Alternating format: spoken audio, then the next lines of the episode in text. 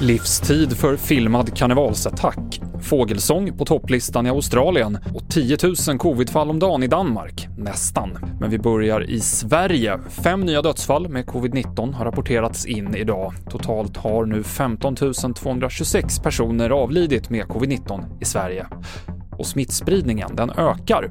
Det säger Britta Björkholm på Folkhälsomyndigheten. Ökningen förra veckan drygt 30 procent. Den här halva veckan som vi är i nu, en fortsatt ökning, möjligen inte riktigt lika stor, lite drygt, drygt 20 procent.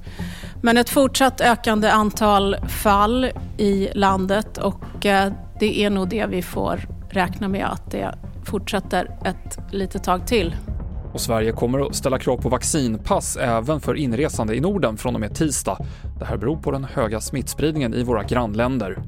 För 9999 fall har man rapporterat i Danmark, den högsta dygnssiffran hittills under pandemin. Köerna ringlar sig långa på vaccinationsplatserna i Danmark. Sen i måndags får alla danskar över 40 en påfyllnadsdos om det gått sex månader sedan den andra dosen. Men trycket är hårt. I Roskilde har man fått köa i två timmar under veckan. Även i Köpenhamn och Ålborg har väntetiderna varit väldigt långa, skriver TV2. En tysk man har dömts till livstidsfängelse för 89 mordförsök efter att han körde med bilen in i en folkmassa under ett karnevalsfirande förra året. Ingen dog, men flera personer skadades allvarligt. Enligt åklagaren så hade mannen planerat attacken i förväg och installerat en kamera på bilens instrumentbräda för att kunna spela in det hela. En skiva med fågelsång har tagit sig in på den australiska albumlistan.